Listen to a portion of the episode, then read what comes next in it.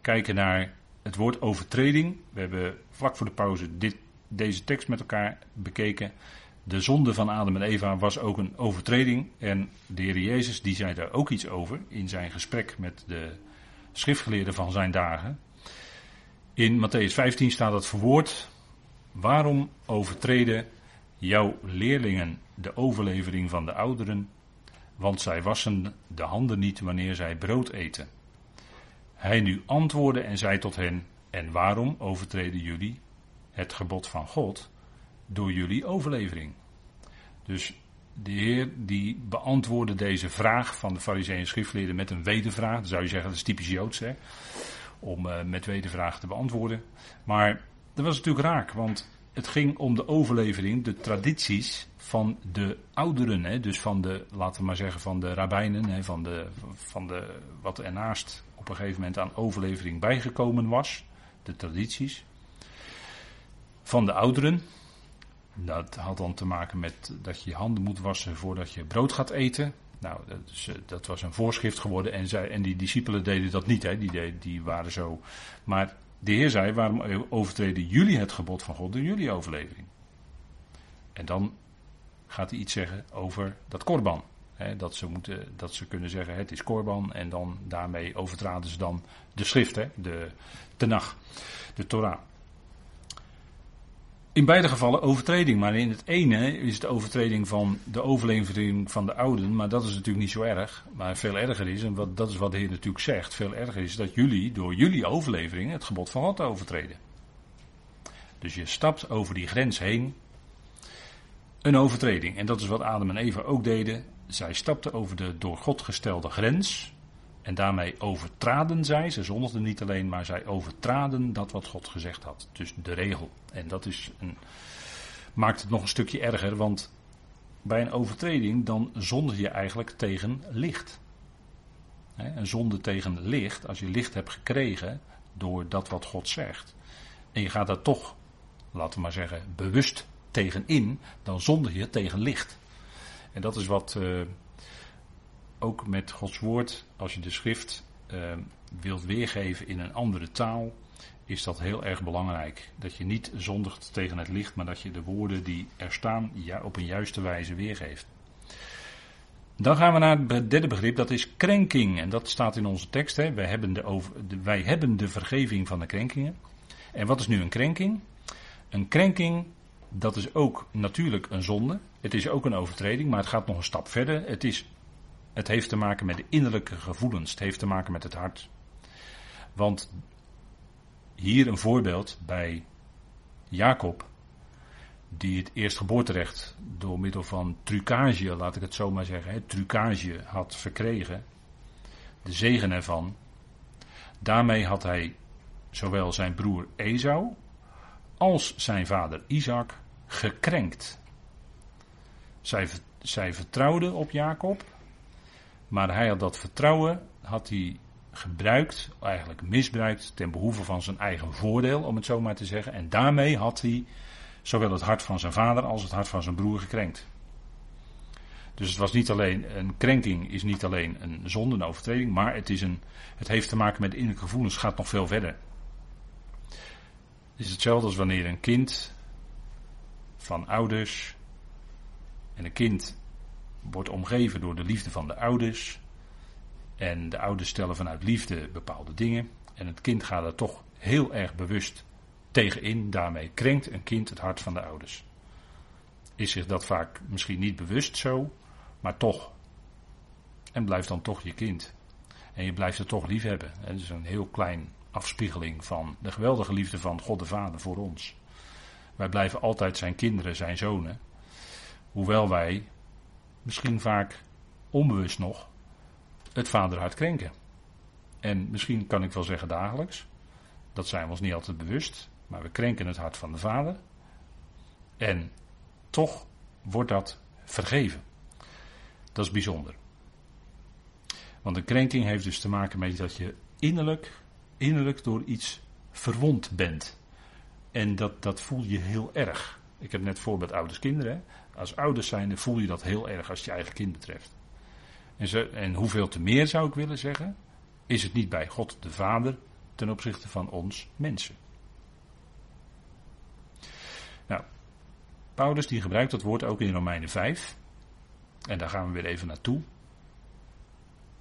En dan zegt hij in Romeinen 5, en dat is best wel een, een wat, wat lastige tekst, het is een wat lange tekst misschien. Maar toch is het goed om even bij stil te staan, want kijk, een krenking, een krenking is, uh, gaat eigenlijk verder dan een misstap. Hè. Bij het vorige begrip hadden we het eigenlijk over naaststap of misstap zou je kunnen zeggen, maar hier gaat het om een krenking. En letterlijk is dat vanuit het Grieks een naastval effect. Hè. Uh, drie, er worden drie woorden en dan in een bepaalde vorm, of twee woorden in een bepaalde vorm in het Grieks gebruikt. En dat is dan een samengesteld woord en dat is dan eigenlijk naastval en de uitgang van het woord zegt dan effect. Dat is eigenlijk een krenking. Dus het is niet zozeer een stap, maar het is een val. Dus ik denk dat het toch, uh, ja, dat, dat, dat het woord krenking, dat wil ik dan toch nog liever vasthouden. Een belediging, je kan ook zeggen het is een belediging of een beschadiging van de innerlijke gevoelens. Het heeft te maken met smaad, door woorden vaak die mensen tegen elkaar uiten en waardoor eh, mensen vernederd worden en smaad ondergaan en, en daardoor gekrenkt worden. Zeggen we dan in de spraakgebruik, worden daardoor gekrenkt. Dat gebeurt. En die eerste zonde van Adam en Eva, dat was ook een krenking. Dat zegt Paulus hier in Romeinen 5, vers 15. Gaan met elkaar lezen. Maar niet als met de krenking, zo ook de genadegave. dat is ook in feite hetzelfde, is in feite dezelfde uitgang. Het is een genade-effect, staat hier eigenlijk. We, we, kennen dat woord wel, charisma. Gebruiken wij in spraakgebruik op een andere manier. Maar in het Grieks is dat genade-effect. Dus een, iets wat je ontvangt. Een genade-gave vertalen we dan, of een genade-geschenk. Dat gaat Paulus zeggen. Hij zegt niet als met de krenking, zo is het ook. Het is uh, niet als met de krenking, zo ook de genadegave. Dus hij maakt wel een bepaalde vergelijking. Maar hij zegt in feite al, in, in, in zijn inleidende woorden, zegt hij in feite al. dat met die genadegave daar is mee, mee aan de hand. Dat is niet zoals met die krenking. En dan zegt hij, want indien door de krenking van de ene, dat is natuurlijk van Adam, hè, of Adam en Eva. Maar ja, met, eh, ze zijn met elkaar uh, een mensenpaar. En eh, ik herinner me nog goed de Bijbelstudie: 1 plus 1 is 1. Dus dan kun je nog zeggen de krenking van de ene, maar dat was een mensenpaar. De velen sterven. Sterven. Hè, dat is een algemene, uh, ja, dat is weer die werkwoordsvorm, weet u wel, waar geen informatie gegeven wordt over de tijd, hè, wat de Griekse aoristus. Sterven, veel meer. Dubbele punt, de genade van God. En voor de leesbaarheid heb ik even het vervolg tussen haakjes gezet, maar het staat natuurlijk uiteraard in de grondtekst. Hè. En het geschenk in genade dat van die ene mens is, Jezus Christus, vloeit in de velen over. Dus de hoofdzin is, veel meer de genade van God vloeit in de velen over. Dus de tegenstelling is hier, die ene, dat eerste mensenpaar, tegenover daarna heel erg veel mensen die op hun beurt persoonlijk ook nog eens heel veel krenkingen doen. Dus je ziet de enorme tegenstelling die Paulus hier naar voren brengt. Hè? En dan zegt hij, kijk, die genade van God, die vloeit in de velen over. In al die mensen daarna, want Paulus in Romeinen 5, hè, dat tweede gedeelte, vers 12 tot met 21, laat hij zien dat het wereldwijd is. Dat dat heil van God, dat gaat alle mensen aan. God zal uiteindelijk tot zijn doel komen met alle mensen. Alle mensen zullen die rechtvaardiging van leven ontvangen. Dus dat is heel groot. En daarmee zegt hij, hè, in dat betoog zit hij, dan zegt hij, kijk, die genade van God, die vloeit in de velen over. En dat is nu al zo bij ons als gelovigen. En in de voleinding zal het zijn uiteindelijk bij alle mensen. En dan geeft hij ook natuurlijk die tegenstelling van die eerste mens Adam ten opzichte van Jezus Christus, de laatste Adam. Want hij zegt, en het geschenk in genade, dat van die ene mens is Jezus Christus. Dus het is door hem allemaal bewerkt. Hè, door hem ontvangen wij dat genadegeschenk. En dan zegt Paulus, kijk die genade van God in Jezus Christus, dat vloeit in de velen over. Hoeveel mensen er ook zijn, maar het vloeit over. En daarmee laat hij zien dat eigenlijk die genade van God zo enorm veel groter en overstromender is en overvloeiender is dan de gevolgen van die ene krenking. Want wat Adam en Eva deden was ook een krenking. Het was een uiting van wantrouwen tegenover die God waarmee ze dagelijks omgingen. Een uiting van wantrouwen. Want zij vertrouwden niet dat wat God gezegd had, dat het goed voor ze was, dat ze niet zouden eten van die boom. En er was dus ook een stukje ongeloof in Gods woord bij betrokken. want dat is ook de kern. Hè? Ongeloof, niet langer vertrouwen.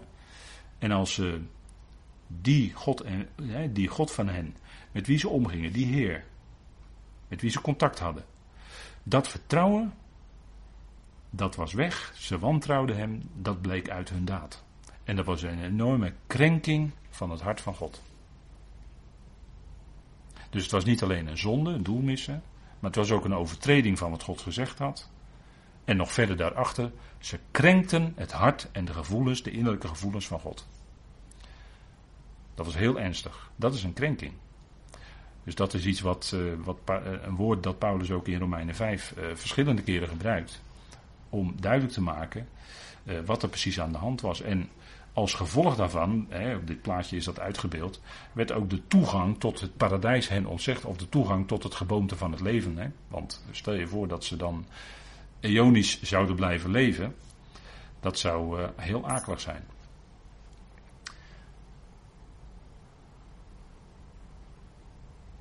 Voorwaarden als het gaat over vergeven. Want hoe zit het nou met vergeving? Wij hebben, zegt onze tekst, de vergeving van de krenkingen. Wij hebben. dat, is, dat staat ook in een tijdsvorm, uh, in een werkwoordsvorm. Dat, uh, die werkwoordsvorm is actief. dus dat we zeggen dagelijks kun je God danken voor de vergeving van de krenkingen. En je hoeft ze niet allemaal te benoemen, dat, is, dat zegt Paulus nergens, dat we iedere dag s'avonds al onze zonden moeten beleiden voor God en dat God ze dan wel vergeeft. Nee, wij hebben de vergeving van de krenkingen. Maar dat is wel iets wat actief elke dag in ons leven werkzaam is, die genade. En dan zegt hij tegen zijn volk, de Heer Jezus, hè, dan doen we even een stap terug. De Heer Jezus, die zegt in Marcus 11 tegen zijn volk, wanneer jullie staande bidden, wees vergevend. Indien jullie iets hebben tegen iemand, opdat jullie Vader ook, die in de hemelen is, jullie je krenkingen vergeeft.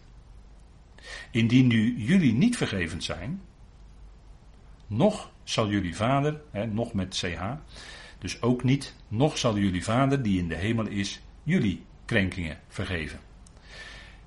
En dat zei de Heer tegen zijn volk. Dat was dus een voorwaarde. Jij vergeeft die ander en op basis daarvan zal God jou vergeven. Dus er was een voorwaarde gelegd. En dat werd ook zo vervuld in de tijd van handelingen. Want u kent die bekende geschiedenis wel, of bekende gelijkenis moet ik zeggen, die de Jezus vertelt in Matthäus. Dat gaat over die man die aan die koning 10.000 talenten verschuldigd was. En die koning die schold dat kwijt, dat was vergeving. Maar vervolgens degene die daarvan vrijgesproken was, dus die niet langer die 10.000, die kwam vervolgens iemand anders tegen en die was hem iets schuldig. En die kon het niet, die kon het niet kwijtschelden. Die kon het niet vergeven. En dat is precies wat in handelingen met het volk Israël gebeurde. Zij konden, zij konden zich niet vergevend opstellen naar de natie toe. En op grond daarvan trok God die vergeving in het evangelie van het koninkrijk, trok God weer terug. En het koninkrijk bleef uit. Het aardse koninkrijk brak niet door. God trok zijn vergeving terug. En dat kon hij doen omdat het daar ging om vergeving van zonden. Kwijtschelding kan weer herroepen worden. Dat is, het, dat is wat een koning kan doen. Hè. Dat, is niet een, uh, dat heeft niet, niet te maken met iets juridisch. Hè, want uh, iets juridisch dat heeft te maken met onze rechtvaardiging. Vrijspraak op grond van. Dat kan nooit herroepen worden. De, wij kunnen dus niet meer onder de veroordeling komen. Dat is een hele andere sfeer. Maar deze vergeving van Israël, dat werd later weer ingetrokken. En het punt is dat wat zegt Paulus nou daarvan? Als het nou, want hier zegt de Heer dat tegen zijn volk. Hè? Jullie zouden elkaar die zonde vergeven. Jullie zouden elkaar vergeven. En dan zal God jullie vergeven. Maar wat zegt Paulus nu? En dan bevind je je weer een stap hoger. Hè? Bijvoorbeeld in Efeze 4. Daar wordt niet het woord vergeven, elkaar vergeven gebruikt.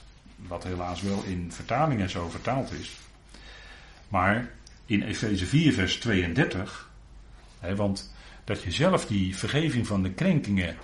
Dat is iets ongelooflijk rijks wat wij van God ontvangen. Dagelijks. Dagelijks hebben wij die vergeving van de krenkingen. En dat, als, als je dat gaat beseffen. Hè, dat God je genade schenkt voor al jouw krenkingen. Dat doet iets met je hart. Dat doet iets van binnen met je. En dat werkt zich uit dan in je relatie naar die medegelovigen en de medemensen toe. Paulus zegt in Efeze 4, vers 32, en dat is dan het gedrag wat voortvloeit uit die geweldige genade die je hebt ontvangen. Word echter naar elkaar mild, innerlijk welwillend, elkaar genade schenkend, zoals ook God in Christus jullie genade schenkt. En hier staat de verwijzing bij naar Colossense 3. En daarin staat dat God ons genade schenkt voor al onze krenkingen. Dan wordt ook dat woord krenkingen gebruikt.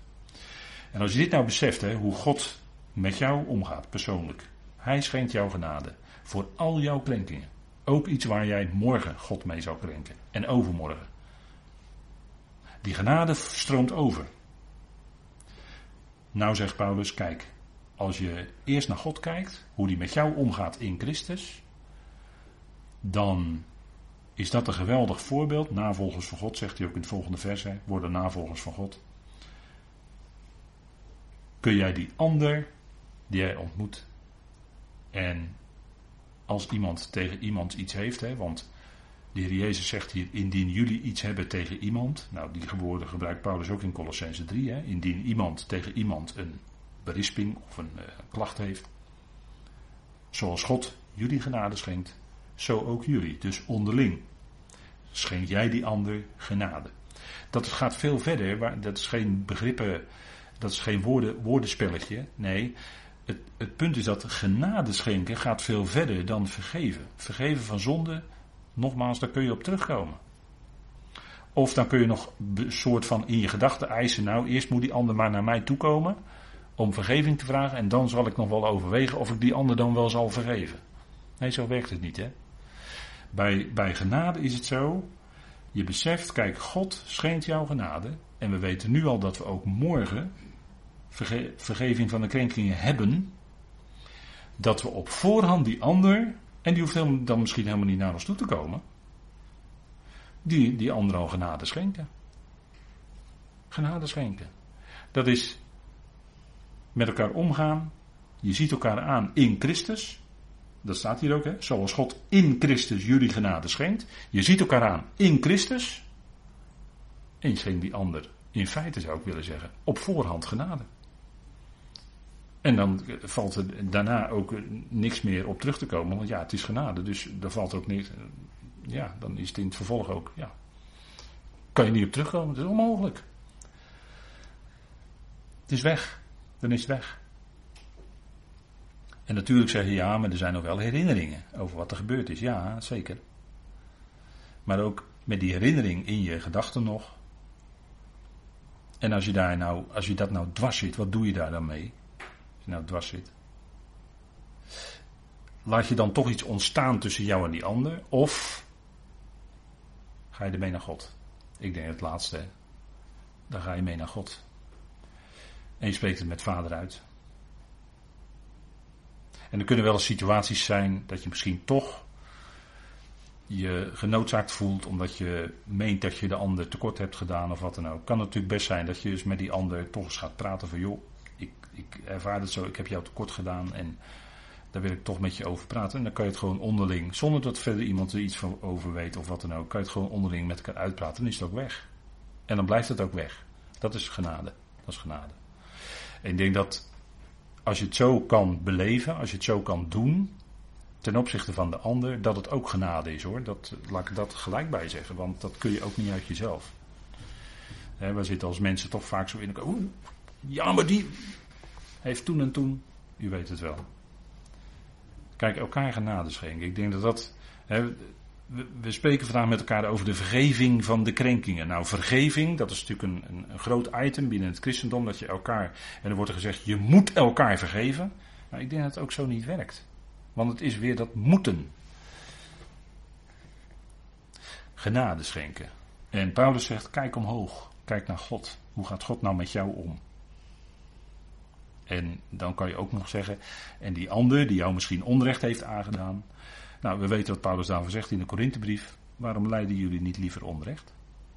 Ja, maar het is onrecht. Ja, ja, het is onrecht, ja. Maar waarom leid je niet liever onrecht? Corinthiërs gingen met elkaar uh, rechtszaken voeren bij de wereldlijke rechter. Paulus wijst aan dat dat toch niet helemaal de bedoeling kan zijn tussen broeders en zusters. Nee, de aangewezen weg is, wat hier staat, dat is de hoogste voor onze wandel. Hè? Elkaar genade schenken zoals God in Christus jullie genade schenkt. Dan zitten we in het hart van de Efezebrief. Nou, dat is het. Dat is voor ons. Ik wil niet zeggen, ja, dat, dat klinkt misschien zo, maar dat is voor ons in feite toch de hoogste, de hoogste overweging, laat ik het zo zeggen. De hoogste overweging. Elkaar genade schenken. En dat gaat gewoon veel verder dan vergeven.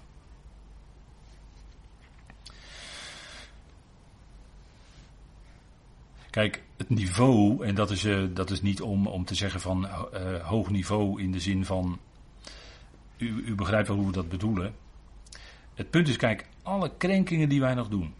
En dat is het geweldige wat Paulus hier zegt. Hè. En een eh, ander die zegt misschien van een afstandje, ja, dan ben je de hele studie ben je bezig met één vers, met een paar woordjes. Ja, maar hier staat natuurlijk ontzettend veel. Hè. Kijk, in hem, dat is in de geliefde, hebben wij de vergeving van de krenkingen. Dat hebben wij. Dat is, dat is, dat is elk moment zo. dat, en dat laat hij overvloeien, want dat, dat is wat hier ook staat. He, we net in Romein al. Vers 8 zegt, die hij laat overvloeien in ons.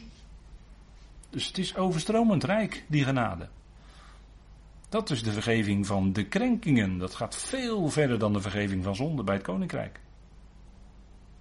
En wij hebben dat, hè. Dat, dat, is, dat verandert niet.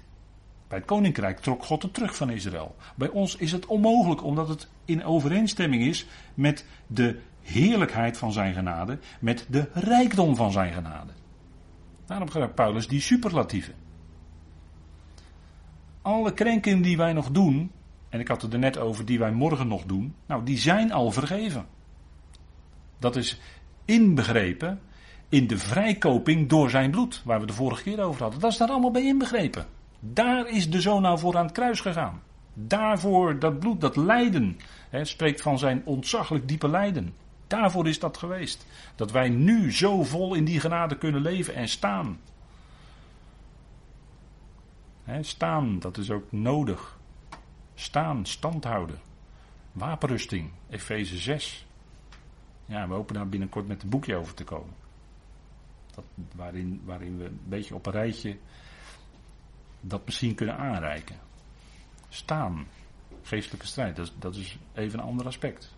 En dat is nodig als je in die genade staat en je wordt je bewust van het lotdeel wat je boven hebt ontvangen in Christus, wat jou toegeloot is, en je gaat daar geestelijk gezien op staan, om het zo maar te zeggen, ja, dan, dan heb je ook direct het conflict dan heb je direct de strijd met de machten en krachten. En die werken via bloed en vlees. Die vallen ons aan en wij verdedigen. Staan, stand houden, daarvoor is kracht nodig. En die kracht geeft God. Inbegrepen in de vrijkoping door zijn bloed.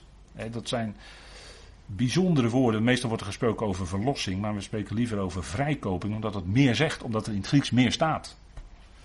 En dat is om, om aan te geven, die, die zon van Gods genade. Kijk, de plaatje is toch wel passend hierbij. Die wolken zijn weg. Die zijn in de verte, die zijn weg. Altijd schijnt de zon van de genade in ons leven. Het vloeit in ons over, het stroomt in ons over. En in Efeze 2 zegt Paulus dat ook. En we kennen het onderwijs uit de Romeinenbrief. Hè, dat we dood zijn voor de zonde, maar levend voor God in Christus Jezus onze Heer. Dat is een feit. En daar leven wij uit, dat is ook je kracht. Je kunt zeggen nee tegen de zonde, want je zegt nee, ik ben dood voor de zonde. Dus ik ga er niet op in. En daar heb je kracht voor nodig om zo te kunnen leven. En dat is ook ons leven. En in feite staat hier nog iets meer dan in de Romeinenbrief. Maar het, het is wel degelijk natuurlijk in het verlengde. Efeze 2 vers 1. En jullie die dood zijn voor jullie krenkingen en zonden, waarin jullie eens wandelden in overeenstemming met de eon van deze wereld, in overeenstemming met de vorst van het volmachtsgebied van de lucht, de geest die nu werkzaam is in de zone van de weerspannigheid, onder wie ook wij allen ons eens gedroegen in de begeerte van ons vlees, de wil van het vlees en van de denkwijze uitvoerend, en wij waren van nature kinderen van verontwaardiging, zoals ook de overigen. En dat was allemaal onze oude situatie. Hoeven niet meer dat allemaal te volgen zoals vroeger. En dan staat er God echter, die rijk is aan warmhartigheid vanwege zijn onmetelijke liefde waarmee hij ons lief heeft. En dan opnieuw, wij die dood zijn voor de krenkingen en de begeerten, maakt ons gezamenlijk levend in Christus. Dat is nu al. Dat is nu al, hebben we nu al in de geest. Hè? Maakt ons gezamenlijk levend in Christus. Dat is nu al en straks zullen we dat ook lijfelijk ervaren bij die geweldige verandering bij de bazuin. Maar opnieuw zegt Paulus hier, wij die dood zijn voor de krenkingen en de begeerten. Dus van daaruit kun je zeggen, ja, daar ben ik dood voor. Want dat is een feit. wij die dood zijn. En zo ziet God dat ook. Wij zijn met Christus medegekruisigd 2000 jaar geleden. Oude mens. Is toen met hem gestorven en ook begraven. Zand erover zeggen we dan. Dat is definitief. Dat is onze situatie. Naar onze oude mens zijn we dood. Jullie zijn als doden die niet meer zondigen en geen krenking meer kunnen doen. Zo ziet God ons in Christus aan. En ik denk dat dat een, een statement is, om het zo maar te zeggen, waar je goed over na kan denken. En dat, dat is dan voor de komende weken, als we even geen studie hebben, tot aan de volgende studie, moet u maar eens goed bij stilstaan, over nadenken, deze versen lezen, herlezen. Jullie die dood zijn voor jullie krenkingen en zonden, waarin jullie eens wandelden. Dus dat is die oude situatie. Vers 5, wij die dood zijn voor de krenkingen en de begeerten. Nou, dat is, een, dat, is, dat is bijzonder belangrijk dat we goed beseffen dat het ook echt zo is. En dat je dat bewust wordt en in je, als het ware in je systeem gaat zitten. En dan zul je ervaren dat je kracht hebt om nee te kunnen zeggen tegen de zonden, tegen de begeerten, tegen de krenkingen. En dat je dankbaar leeft voor God in Christus Jezus onze Heer. Dat is onze situatie, dat is onze heerlijkheid in feite. En dan wordt er iets zichtbaar van de heerlijkheid van Gods genade in ons leven. En ja, dat, is, dat zijn natuurlijk uh, bijzondere uh, woorden. Hè? Maar wat we, wat we daarmee dus met elkaar overwegen, is de rijkdom van zijn genade, die hij laat overvloeien in ons. En, en ja, soms denk je wel eens, uh, zijn, ben je dat wel bewust, hè, als je dit zo leest en als je dit zo hoort. Het is ook goed om het opnieuw te beluisteren, die schrift steeds weer erbij te pakken, te herlezen. Wat zegt God nou eigenlijk precies? Wat is dat evangelie eigenlijk geweldig, wat Paulus mocht doorgeven? En dan wordt het steeds meer echt je leven en ga je er ook uit leven. De rijkdom van zijn genade, hè, dat, daar mogen we uit leven. Dat is heel kostbaar, dat is heel rijk. En, en ik hoop dat dat nooit tot, een, uh, tot iets vlaks in ons of gaat vervlakken in ons leven. Maar dat we ons dat steeds goed bewust zijn. En vandaar ook uh, dat we heel even hebben gekeken naar de tegenstelling met het evangelie van het koninkrijk, wat daar als vergeving voor geldt. En hoe het bij ons zit. En hoeveel rijker dat eigenlijk is dan wat God nog aan Israël gaf. En in de toekomst zal dat natuurlijk in de volleinding allemaal ieders deel zijn. Maar nu al is, mag dit ons deel zijn. Hè? Dat is geweldig. Goed, ik wilde hiermee eindigen. Zullen we de